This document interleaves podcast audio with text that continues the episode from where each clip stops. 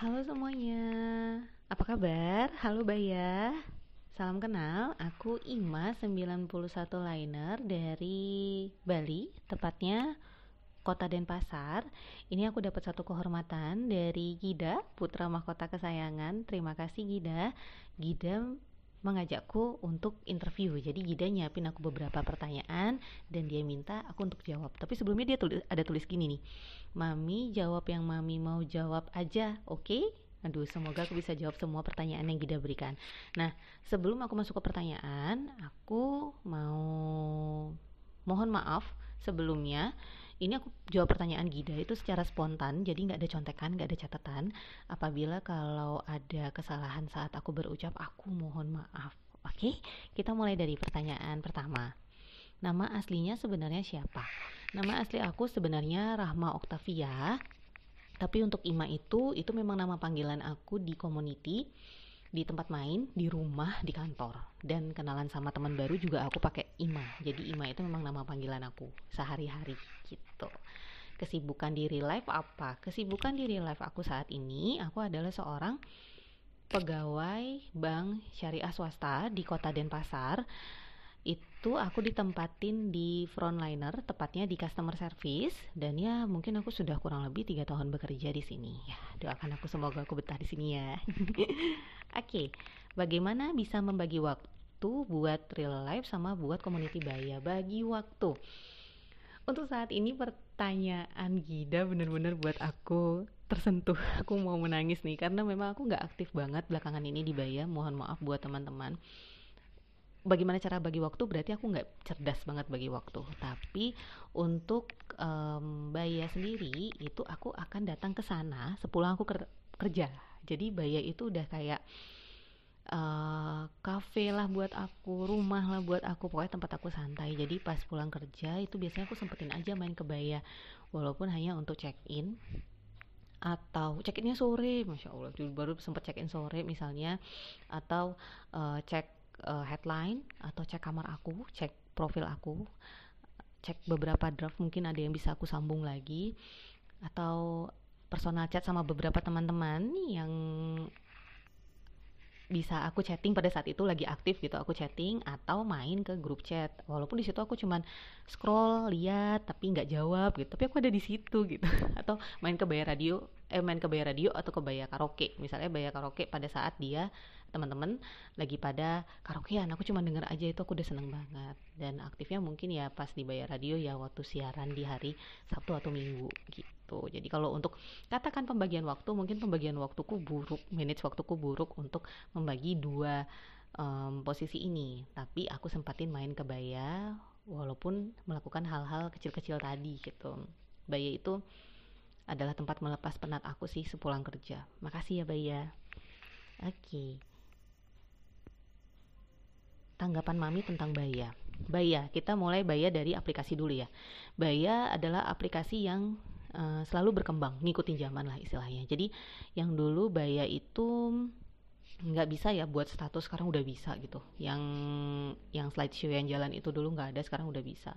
Dan dulu nggak ada yang namanya koin sekarang udah ada koin. Sampai ada para fakir koin yang mencari koin ke mana-mana gitu ya karena bisa buat beli ini ini ini ini ini gitu.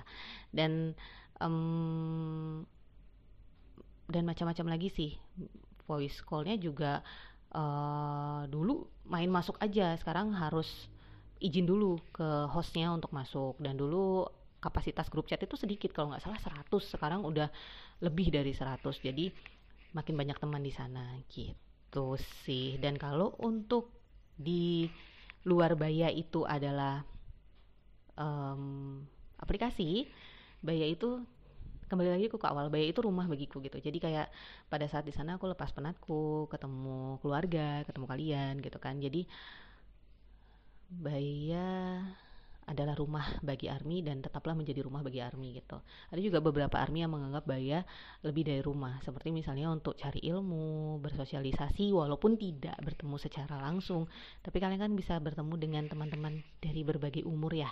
Jadi bisa ketemu adik, ketemu kakak, ketemu tante atau mungkin malah ketemu anak gitu kan jadi di Baya kita bisa banyak ke bertemu orang. Bukan hanya dari daerah kita saja tapi dari luar daerah kita jadi kalau misalnya mau keluar kota misalnya teman-teman di Jakarta mau ke Bali ketemu aku teman-teman yang di uh, luar kayak aku mau ke Jakarta aku bisa ketemu dengan uh, army yang ada di Jakarta gitu kan. Jadi enak sih gitu aja. Jadi pesanku untuk Baya awalnya memang rumah bagiku dan army tetaplah menjadi rumah bagiku dan army gitu. Oke. okay. Bias Mami di BTS sama alasannya. Bias Mami di BTS oke. Okay.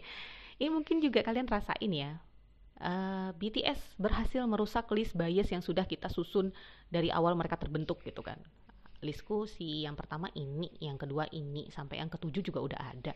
Tapi mereka berhasil merubahnya dengan berbagai perform yang mereka tampilkan baik secara live ataupun tidak. Seperti Bang Bangkon kemarin itu benar-benar aku harus bias aku rusak karena mereka gitu. Tapi untuk ultimate biasku ya nggak berubah, tetap Kang Masmun ya, tetap Kim Sok Jin. Tapi kalau alasannya kenapa aku ada bingung mencari alasanku kenapa aku suka sama dia gitu. Suka sama Jin. Aku nggak ngerti apakah ini yang dinamakan cinta itu tidak butuh alasan?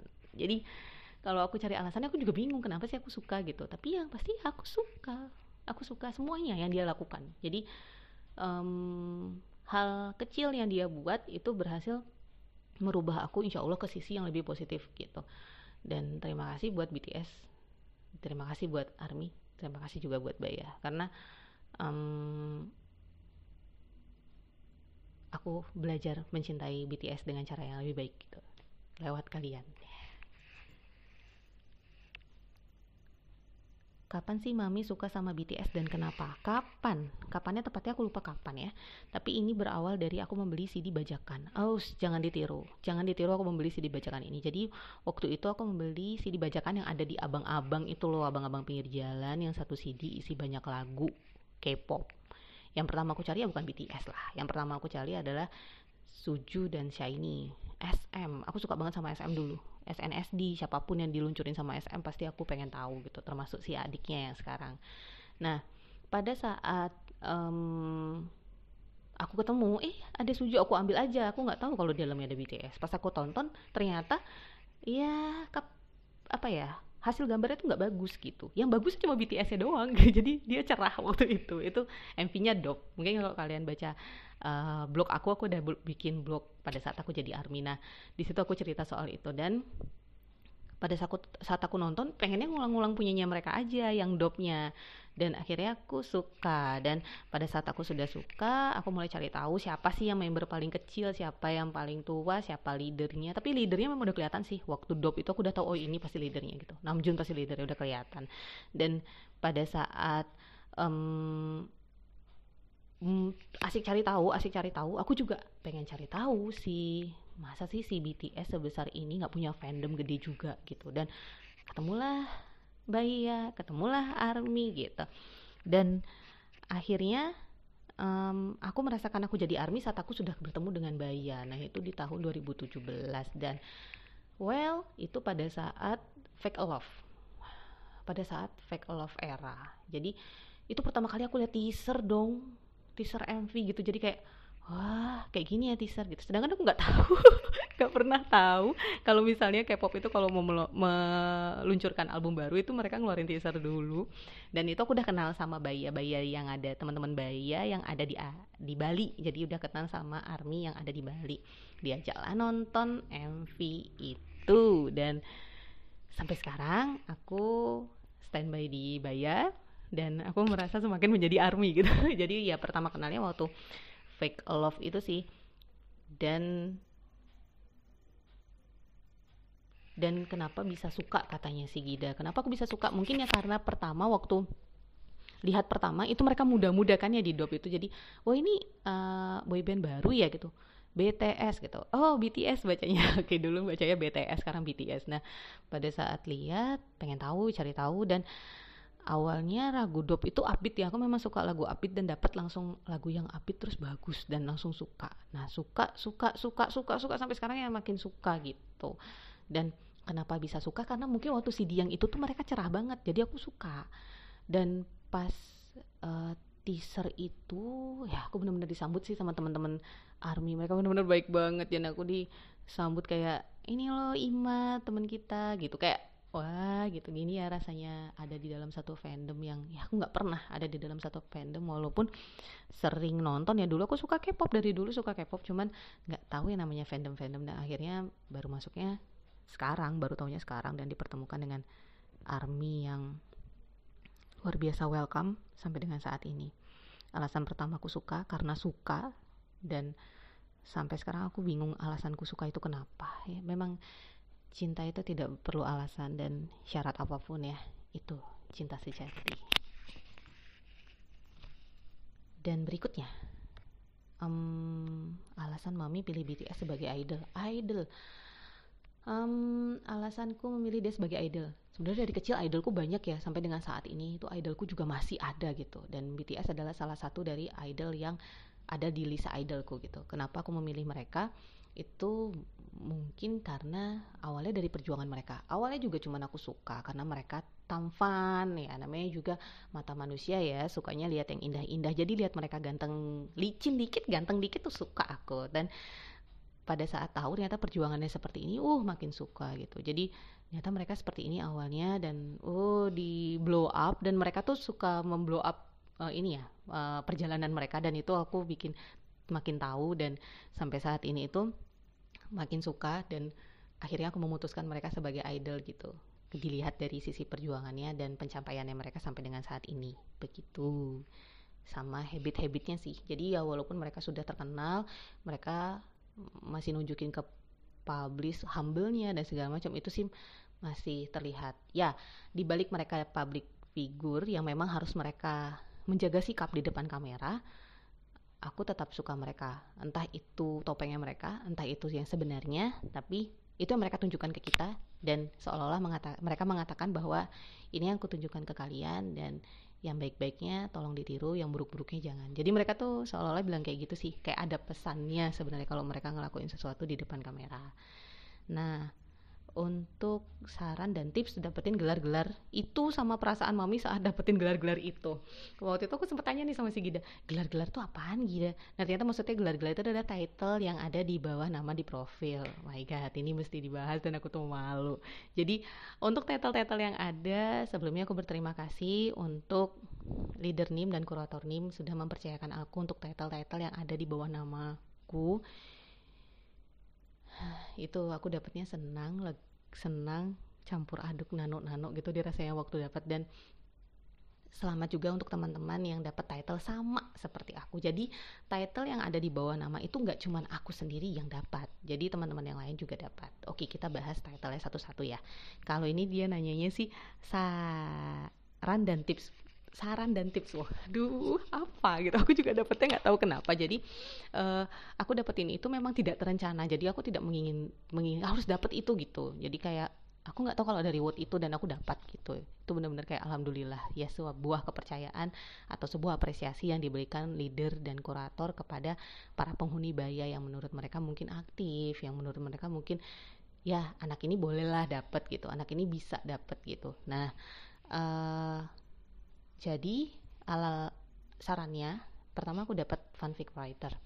Fanfic writer aku dapat bukan sendiri, teman-teman yang lain juga banyak yang dapat. Jadi selamat buat teman-teman yang lain yang dapat title sama denganku gitu. Fanfic writer adalah title yang dipersembahkan oleh Sifra untuk teman-teman yang menulis fanfic di Baya jadi ada beberapa teman-teman yang menulis fanfic di Baya dan dikasihlah title itu gitu. Aku nggak nyangka dapat itu. Aku juga kaget karena aku merasa tulisanku nggak bagus-bagus amat nggak rapi-rapi amat. Tapi karena title itu aku berusaha untuk rapi dan bagus.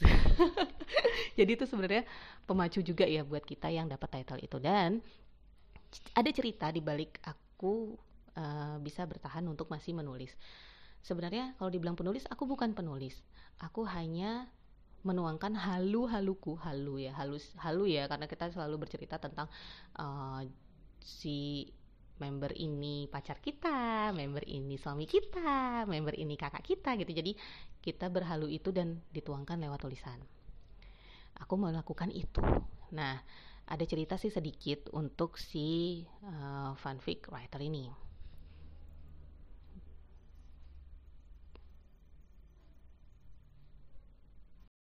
Oke, ceritanya tuh gini. Jadi waktu sebelum aku dapat ini, itu aku memang sudah sempat nulis. Jadi waktu awal di masuk di Baya itu kadang aku bingung aku mau ngapain.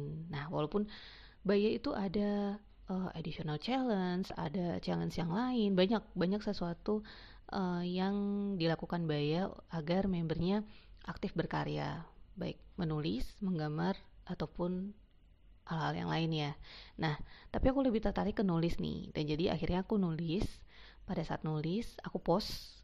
Ternyata yang terjadi nggak ada yang komen, yang like dikit. Akhirnya aku mundur. Aku sempat jatuh waktu itu. Jadi aku nggak mau nulis lagi deh gitu.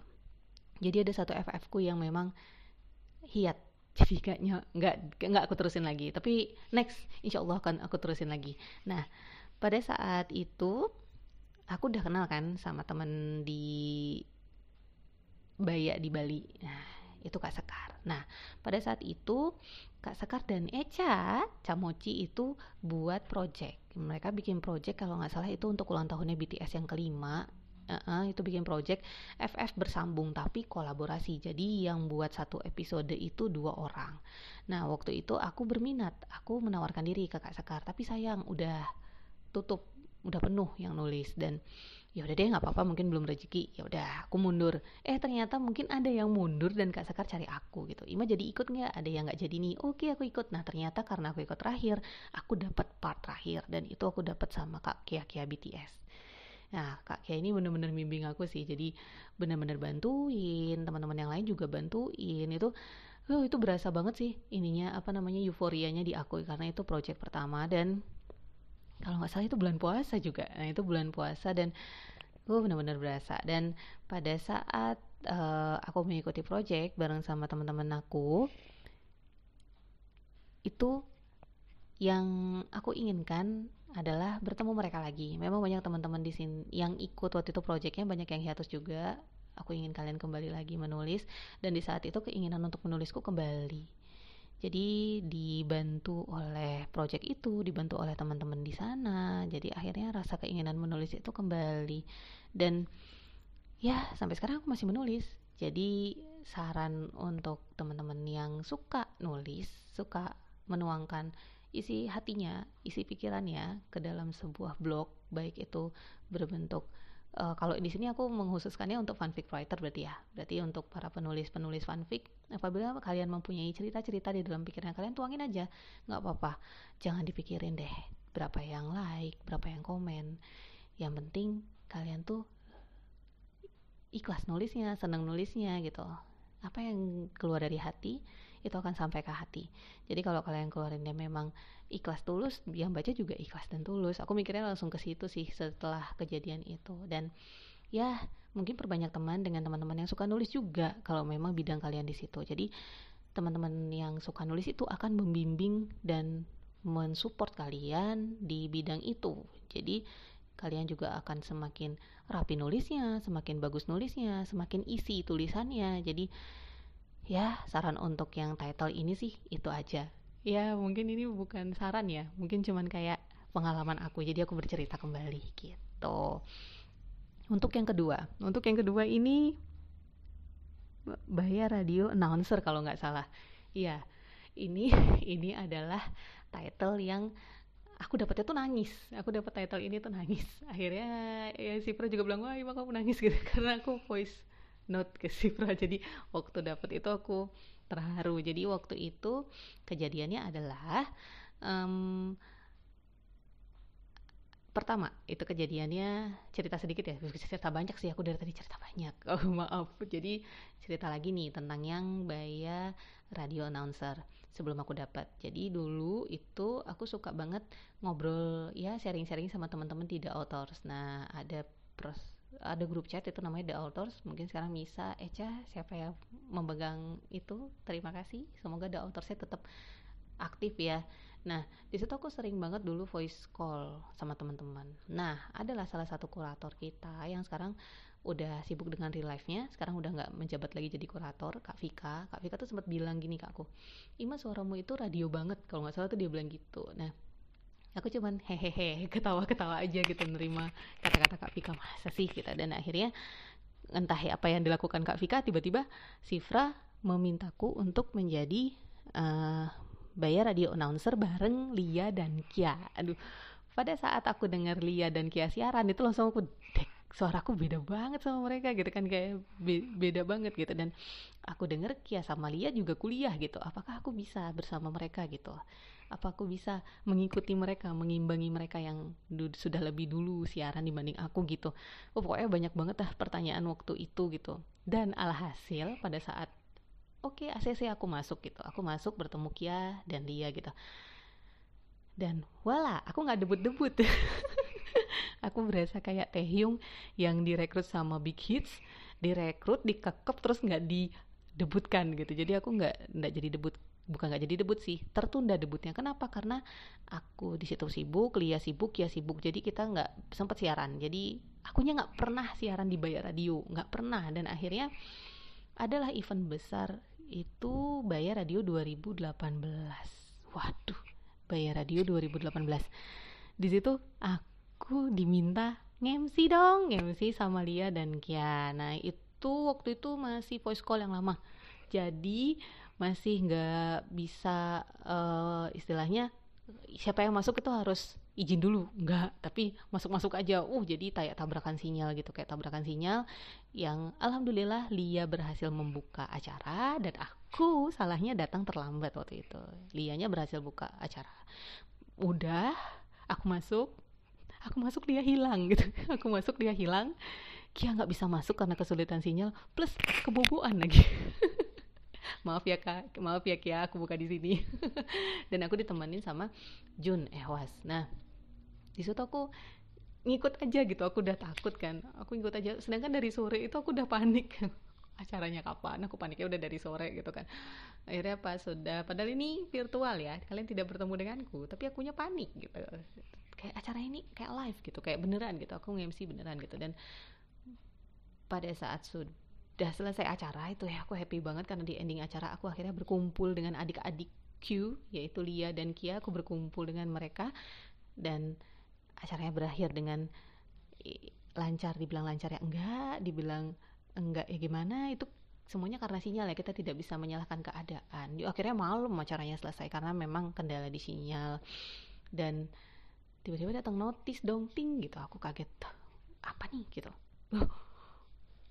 oh kayak rasanya tuh ada bagaimana ya? Rasanya langsung kayak set kok aku kan baru gitu. Aku baru banget ngobrol dan itu langsung dibayar award dan Sifra ngasih aku itu dan kalian pernah nggak di voice call Sifra? Suara Sifra tuh lembut gitu kan. Aku langsung aduh ya Allah ini apa? Gitu. Langsung kayak aku langsung nangis.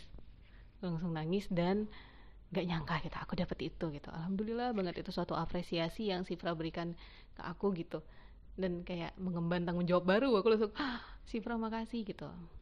Title yang itu berkesan banget bagiku. Title yang ini tuh berkesan banget bagiku. Yang bayar radio announcer aku nggak kepikiran aku bakal dapet itu. Dan Sifra mempercayakannya ke aku kurator NIM juga mempercayakan itu ke aku dan ke kami. Jadi yang dapat gak cuma aku ada Lia dan Kia dan saat ini ada yang bergabung juga ada Lin gitu yang bantu support kita. Dulu luar biasa Lin. Makasih banyak makasih Kia udah ngajarin aku makasih Lia juga sudah membimbing aku. Lia itu umurnya lebih kecil pada aku tapi sukses membuat aku rapi gitu.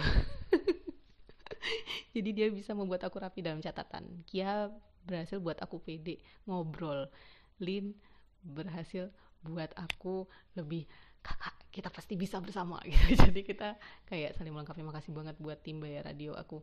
Apa sih tanpa kalian? Dan makasih juga para borealis yang sekarang udah aku kita udah punya pendengar setia. Namanya borealis seneng banget itu sih yang aduh pokoknya bayar radio announcer tuh yang paling aku nangis dan itu kejadiannya malam soalnya aku jadi keinget itu deh itu aku dapetnya memang terharu biru gitu nangis nah yang terakhir apa ya kalau nggak salah yang terakhir itu Baya PC of the Year kalau nggak salah. Nah, yang ini nih, yang ini nih aku dapetnya baru dan bukan cuma aku yang dapat.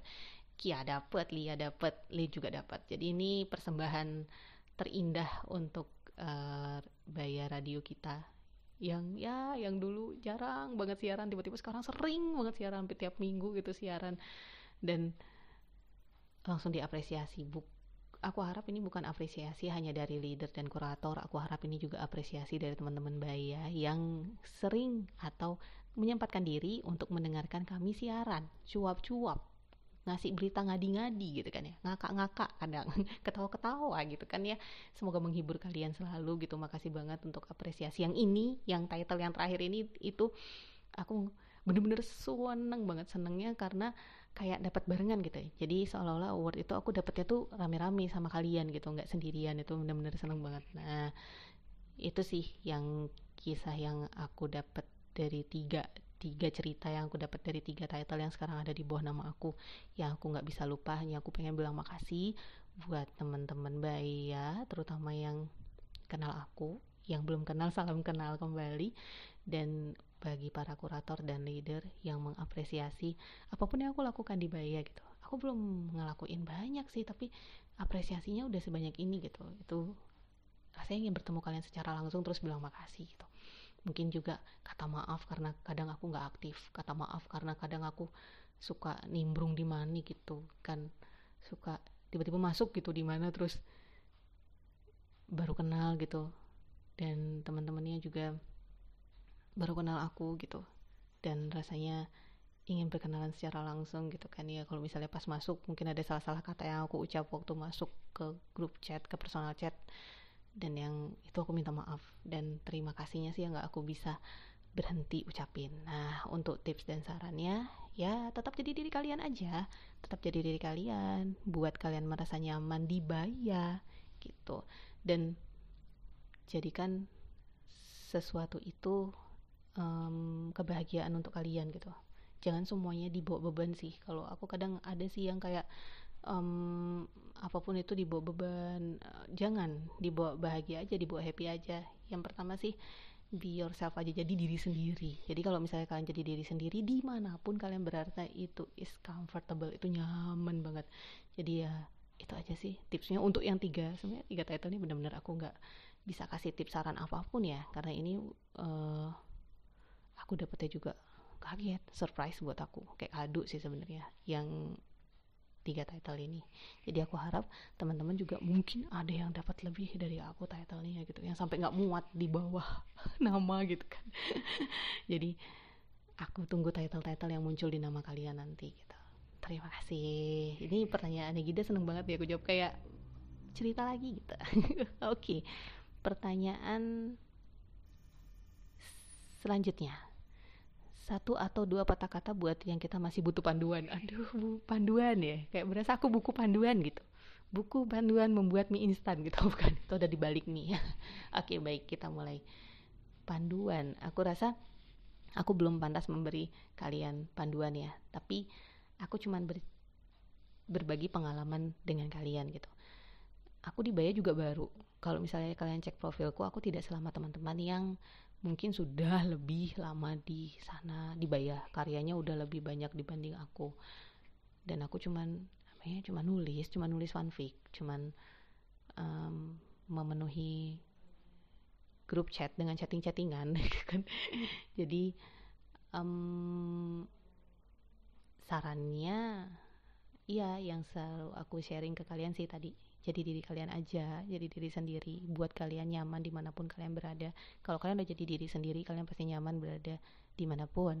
Dan um, jangan lupa kalau misalnya aku bawa ini ke Baya berarti ini adalah virtual friend. Jadi kita itu berteman tapi secara virtual tidak bertemu langsung. Jadi sebaiknya hormati yang tua sayangi yang muda gitu. Dan kalau misalnya aku bawa ke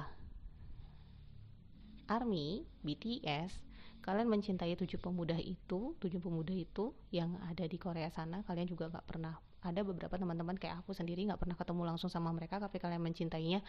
Don't push yourself. Jadi jangan terlalu mendorong diri kalian untuk mencintai lebih gitu. Misalnya seperti kalian ingin beli semua koleksinya album dan apa kalau misalnya memang ada kebutuhan yang lebih penting dahulukan itu. Gitu. Masih ada kita yang selalu berkomunikasi. Masih ada teman-teman kalian yang selalu berkomunikasi. Belum bukan kalian nggak beli berarti bukan kalian bukan army. No is big no. Jadi seperti itu. Aku ulang lagi sekali. Jadi diri sendiri. Buat kalian nyaman di mana pun. Kedua sayangi yang muda hormati yang tua. Ketiga jangan paksa diri kalian untuk membeli apa pun tentang BTS beli boleh kalau sudah bisa tapi jangan dipaksakan.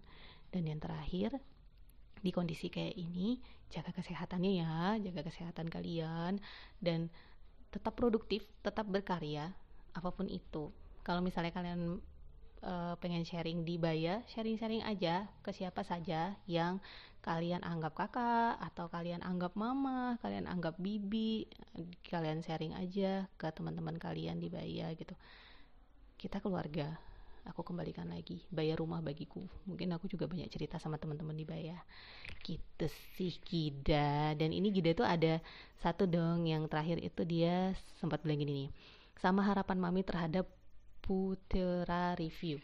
Nah Gida nih sempat hiatus dia. Lama nggak kelihatan dan akhirnya dia masuk lagi ke Baya dengan bawa review-review. Nah kalau misalnya itu membuat kamu nyaman, blog-blog itu membuat kamu nyaman, Gida lakukan. Gitu. Jadi mungkin ini Gida sekarang gitu. Jadi jadilah Gida yang mungkin menurut kamu itu baru tapi tetap Gida yang selalu kami sayang jadi Gida sukses buat review-reviewnya sukses buat blog barunya. Banyak yang mengapresiasimu untuk blog barumu amin. Itu aja sih kalau dari aku. Apalagi ya nggak ada. Kayaknya interviewnya segitu aja. Terima kasih Gida atas pertanyaan pertanyaannya terima kasih banyak. Terima kasih banyak buat Baya buat semuanya. Bye bye